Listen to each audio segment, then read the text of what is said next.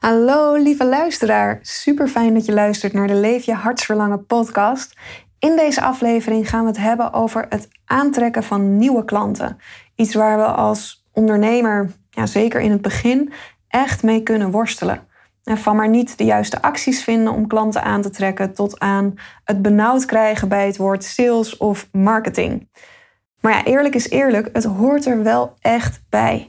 Sterker nog, 80% van de tijd die je aan je onderneming besteedt, zou moeten gaan naar het aantrekken en in contact staan met nieuwe klanten. Het is een groot onderdeel van ondernemen. In deze aflevering wil ik je meenemen in drie dingen die jij als coach kan doen om nieuwe klanten te vinden. En dit zijn drie dingen die niet smooth sales zijn, zoals een uh, autoverkoper of uh, de telemarketeer. Je kan dit helemaal op jouw eigen manier doen. Het is een super waardevolle aflevering geworden. Dus ik wens je heel veel luisterplezier. Let's go! Welkom bij de Leef je hartsverlangen podcast. Mijn naam is Nanda van Aalst van Mijn Storyteller. Het is mijn grootste passie mensen te motiveren en inspireren om hun hart te volgen. In deze podcast neem ik je mee op weg naar verbinding maken met jouw hart. Ontdekken wat jouw diepste hartsverlangen is en wat er nodig is om te gaan leven en werken vanuit wie jij in de kern bent. Zodat je het leven kiest waar jij gelukkig van wordt. Luister naar veel praktische tips en inspirerende verhalen. Let's go! Toen ik de switch maakte van freelance tekstschrijver naar zelfstandig ondernemer, toen had ik nog geen idee hoe ik klanten moest vinden. En mocht je dit nog niet van mij weten, ik ben ooit begonnen als freelance tekstschrijver en ik heb vanuit daar het pad wat ik nu bewandel ontdekt. En ja, als freelance tekstschrijver vond ik heel gemakkelijk mijn eerste klanten. Ik huurde destijds huurde ik een werkplek bij hashtag Workmode. En daar zaten allemaal fantastisch leuke vrouwelijke ondernemers waartegen ik gemakkelijk kon zeggen: Joh, ik ben tekstschrijver. Zoek je nog iemand die jou over mij pagina of webteksten kan schrijven? En toen waren er ook nog live events waar ik naartoe ging en waar ik tijdens een praatje kon laten vallen: joh, als je iemand zoekt die teksten voor je kan schrijven, nou, hier ben ik. en het is me ook gelukt om mijn website destijds heel hoog in de ranking van Google te krijgen. Heel veel aan eh, SEO gedaan, dus ja, ook mijn website was een manier waarop nieuwe klanten zich bij mij melden.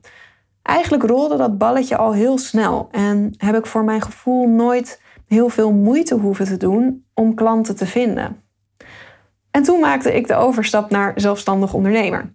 Ik werd, uiteindelijk werd ik uh, Purpose Business Coach, uh, Purpose Business Begeleider, of nou ja, hoe, hoe je het ook wilt noemen. Ik heb nog steeds niet de juiste benaming gevonden voor wat het is wat ik doe. Iemand die uh, zei laatst ook tegen me: ja, de titel die je jezelf geeft, dat dekt de lading totaal nog niet van wat jij doet en waar je anderen mee helpt.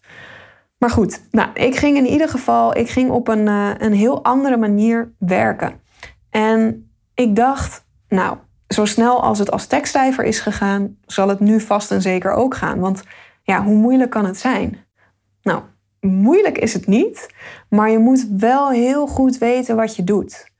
Ik had er namelijk niet bij stilgestaan dat wanneer je teksten schrijft voor mensen, dat het eindresultaat heel duidelijk en concreet is. Je krijgt een webtekst of je krijgt een brochuretekst of wat dan ook in tekst opgeleverd. En die persoon die hoeft daar zelf ook eigenlijk helemaal niet veel voor te doen. Die hoeft geen innerlijke transformaties aan te gaan, die hoeft geen spannende stappen te zetten. Die is gewoon op zoek naar iemand die haar teksten kan schrijven en als ze iemand vindt waarvan ze voelt, dit is een match, dan gaat ze een samenwerking aan. En de reden waarom mensen niet met een tekstschrijver samenwerken is 99% van de tijd omdat ze je te duur vinden of omdat ze je manier van schrijven niet passend vinden voor zichzelf. En that's it.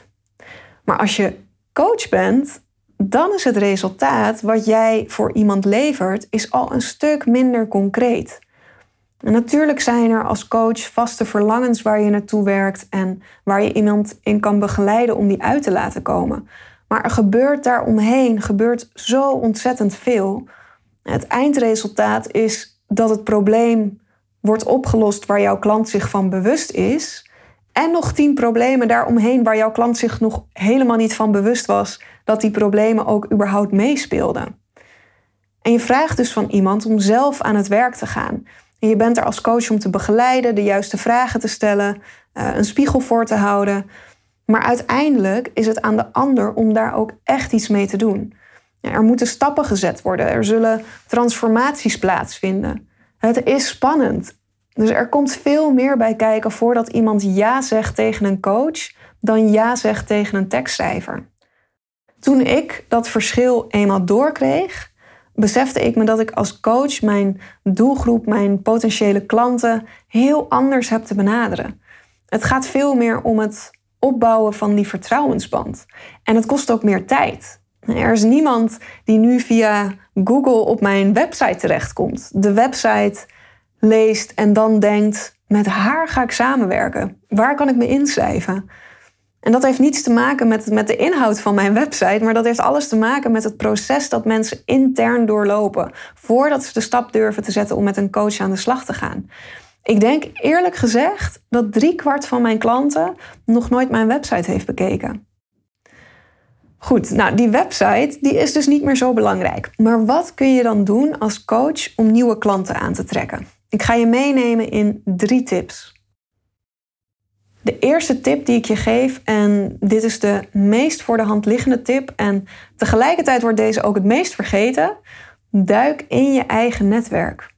Hoe vaak ik niet terugkrijg: Oh, ja, daar had ik nog niet aan gedacht, maar dat is wel een heel goed idee om een netwerk aan te schrijven. Zelf zou ik het waarschijnlijk ooit ook tegen mijn eigen coach hebben gezegd. Maar het eigen netwerk waar we ons hele leven zo zorgvuldig en op een natuurlijke manier aan bouwen, dat vergeten we juist op het moment dat we het eindelijk eens in mogen zetten.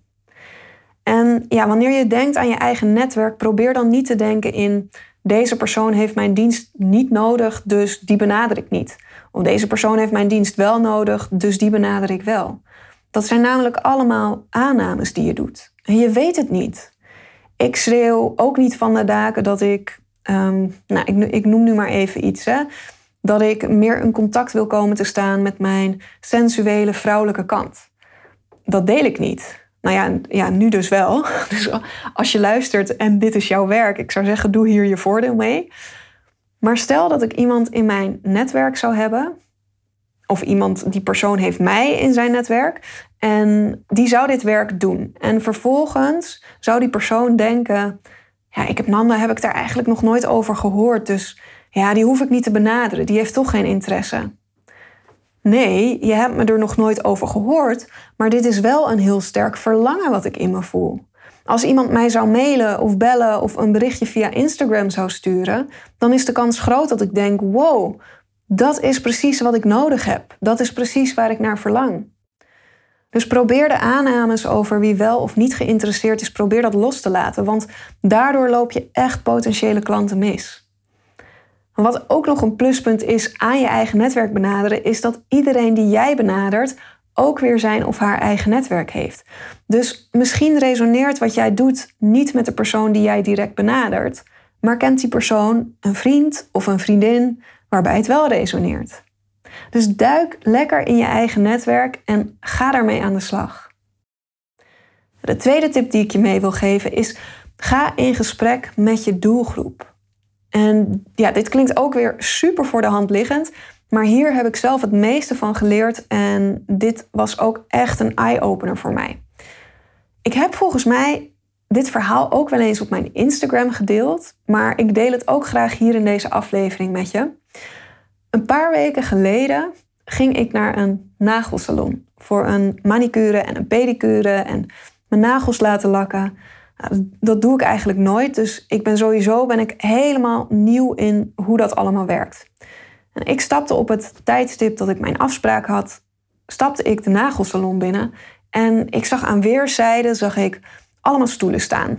En in die stoelen zaten vrouwen met hun voeten in een voetenbadje. En er zat bij iedere vrouw zat er iemand die bezig was met hun voeten. En achterin zaten ook nog een paar vrouwen met hun handen op tafel. En waar, daar was dan iemand bezig met hun handen. En ik stap binnen. Twintig paar ogen van al die klanten die al binnen zijn, richten zich op mij. Nou, dat is al redelijk intimiderend. Begrijpelijk ook trouwens, want je hebt tijdens zo'n behandeling je hebt niets te doen. Dus natuurlijk kijk je naar wie er binnenkomt. Maar goed, twintig paar ogen die zich op mij richten. Maar verder zie ik niemand die naar me toe komt. Ik zie niemand achter een receptie staan. Dus ik zeg uit mezelf zeg ik hallo, goedemiddag. Maar er komt geen hallo, goedemiddag terug. Dus ik bleef even wachten en nou ja, toen zei ik, uh, ik, heb een, uh, ik heb een afspraak. En ik zie nog steeds niemand van de mensen die aan het werk zijn opkijken. Alleen de klanten staren mij aan. En ineens hoor ik een stem. En ik kan niet zien bij wie de stem hoort, want er staat nog steeds niemand op. Er staat nog steeds niemand voor me. Er kijkt nog steeds niemand me aan. Maar die stem die een soort van uit het niets lijkt te komen, die commandeert ja achterin, ga zitten. Dus oké, nou, ik, ik voel me super ongemakkelijk en ik loop naar achter. En nou, twintig paar ogen die volgen me. ik ga achterin op een stoel zitten en komt na een paar minuten wachten in mijn eentje, komt er een meisje bij me. Dat ook weer niets zegt, maar die mijn voeten in een bak zet en het vervolgens vult met water. Nou ja, goed, zo, zo gaat die klantonvriendelijkheid, uh, dat, dat gaat nog een tijdje door. Ik zit denk ik ruim twee uur in die nagelsalon. Ik heb geen klap te doen. Dus ik ben ook aan het observeren. Ik ben ook aan het kijken naar wie er binnenkomt. Ik ben aan het kijken wat er eigenlijk allemaal gebeurt. En je houdt het niet voor mogelijk. Tot drie keer aan toe lopen er mensen binnen. Wachten bij de ingang. Worden net als ik volledig genegeerd. Vragen dan uit zichzelf: uh, Hallo, nou, ik wil graag uh, een manicure. En ze krijgen of helemaal geen reactie, of worden net als ik naar achteren gecommandeerd. Waarop natuurlijk iedereen wegloopt. Nou, het is dat ik een afspraak had gemaakt, maar anders had ik precies hetzelfde gedaan. Er komen ook twee keer moeder en dochter binnen, die net als ik een afspraak hebben gemaakt, die net als ik genegeerd worden. En uiteindelijk achterin worden neergezet aan, aan een tafeltje om te wachten en die zo lang moeten wachten zonder dat iemand ze erkent of begroet of wat dan ook, waardoor ze dus besluiten weg te gaan. En dit is nog het erge. Als je weg wil, moet je dus van achteren helemaal naar voren lopen. Langs al die stoelen, langs al die medewerkers, langs alle klanten. Weer opnieuw twintig paar ogen die je aanstaren.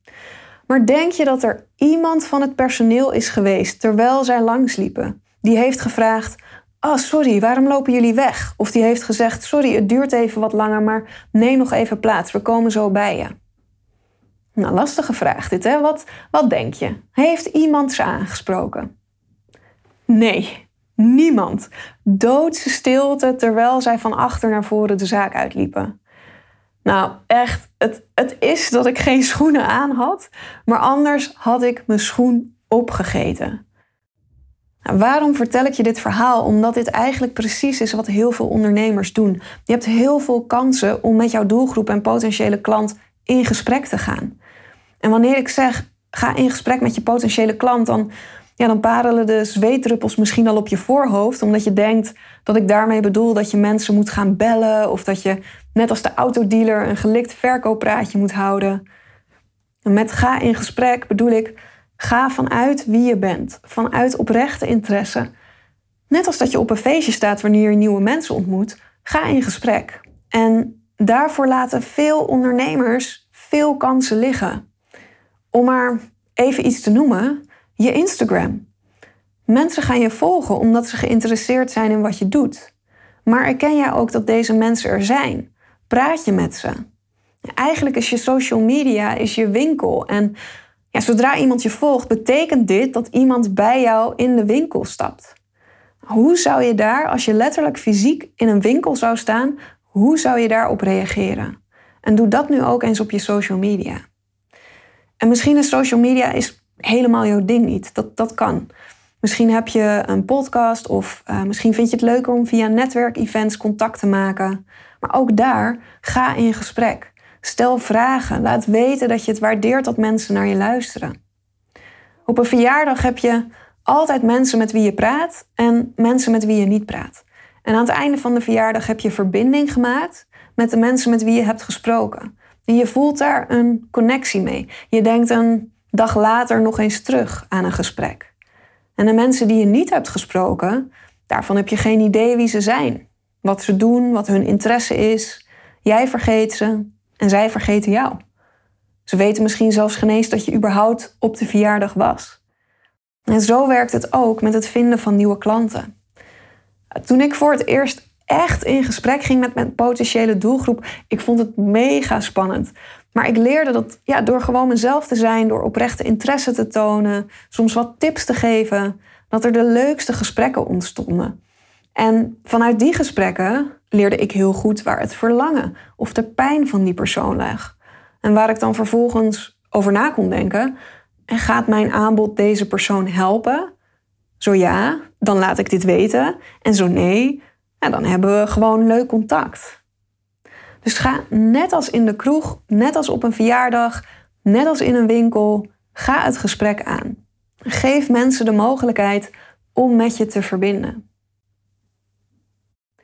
De derde tip die ik je meegeef is deel jouw waarde. Hoe groot is de kans dat jij jezelf door iemand laat coachen of begeleiden waarvan je eigenlijk niet weet wat ze kan, waar ze voor staat, wat ze doet, waardoor je nog nooit geïnspireerd bent, aan het denken bent gezet of misschien al wat handige tips en tools van hebt ontvangen? Mijn, mijn podcast, mijn masterclasses, mijn social media, het zijn allemaal verschillende manieren waarop ik mijn waarde deel. Dus ik krijg uiteindelijk krijg ik klanten in mijn één op één trajecten, doordat ze eerst bijvoorbeeld weken naar mijn podcast hebben geluisterd. En daarin herkenning hebben gevonden en er waardevolle tips uit hebben gehaald. En ook mijn energie hebben gevoeld en mijn stem hebben gehoord. En ze hebben helemaal in hun eigen tempo kunnen aftasten dat wat ik doe hun kan helpen. En dat ik de juiste persoon ben om ze daarbij te helpen. Ja, of, juist, of juist niet, hè? dat kan ook. Er zullen vast en zeker ook mensen zijn geweest die mijn podcast hebben geluisterd of mijn masterclass hebben gevolgd en hebben gedacht: hier resoneer ik niet mee of dit is niet voor mij. Ook prima.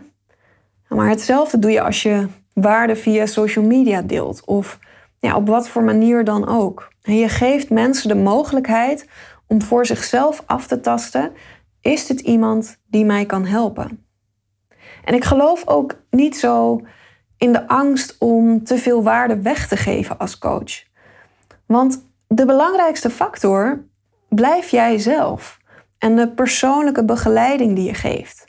De manier waarop jij iemand anders een spiegel voorhoudt, de vragen die je stelt, de stok achter de deur zijn, het meedenken. Dat zijn dingen die je niet in een podcast of op social media kan verwerken. daarvoor moeten mensen echt met jou aan de slag.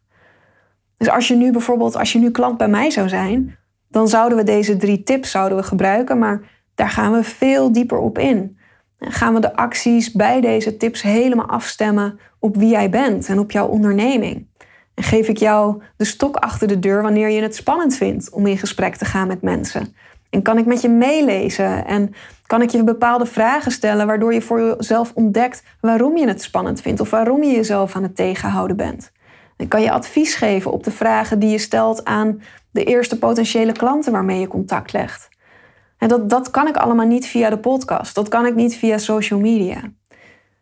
Dus wees niet bang om te veel waarde weg te geven. De belangrijkste factor blijf jij zelf. En mochten mensen door de waarde die je deelt wel zoveel stappen zelf zetten dat ze jou misschien niet meer nodig hebben, dat is ook oké. Dan heb je iemand op weg kunnen helpen. Ja, kijk, het, het moet natuurlijk niet altijd gebeuren, want dan ben je gewoon echt je werk gratis aan het doen. Maar ja, weet je, dat er hier en daar mensen genoeg hebben aan een tekst die ze lezen of een podcast die ze luisteren om zelf verder te kunnen, dat is prima en dat is prachtig. Dus ga waarde delen, deel jouw kennis, vertel over je ervaringen, laat jezelf horen en laat jezelf zien. En de tips die ik je nu heb gegeven, dit zijn dingen die je helemaal op je eigen manier in kan richten. op een manier die bij jou past.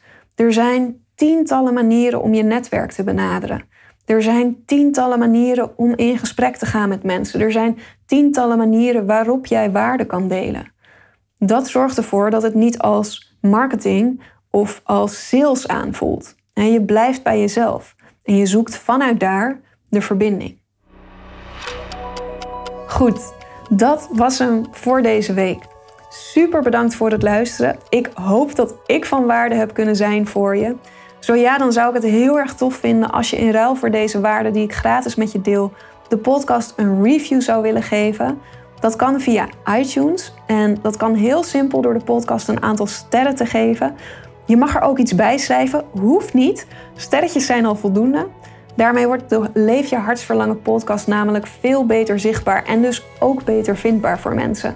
En kan ik mijn waarden met zoveel mogelijk mensen delen en zoveel mogelijk mensen inspireren. Goed, volgende week ben ik er weer. Voor nu een hele fijne dag of slaap lekker. En tot dan. Doei doei!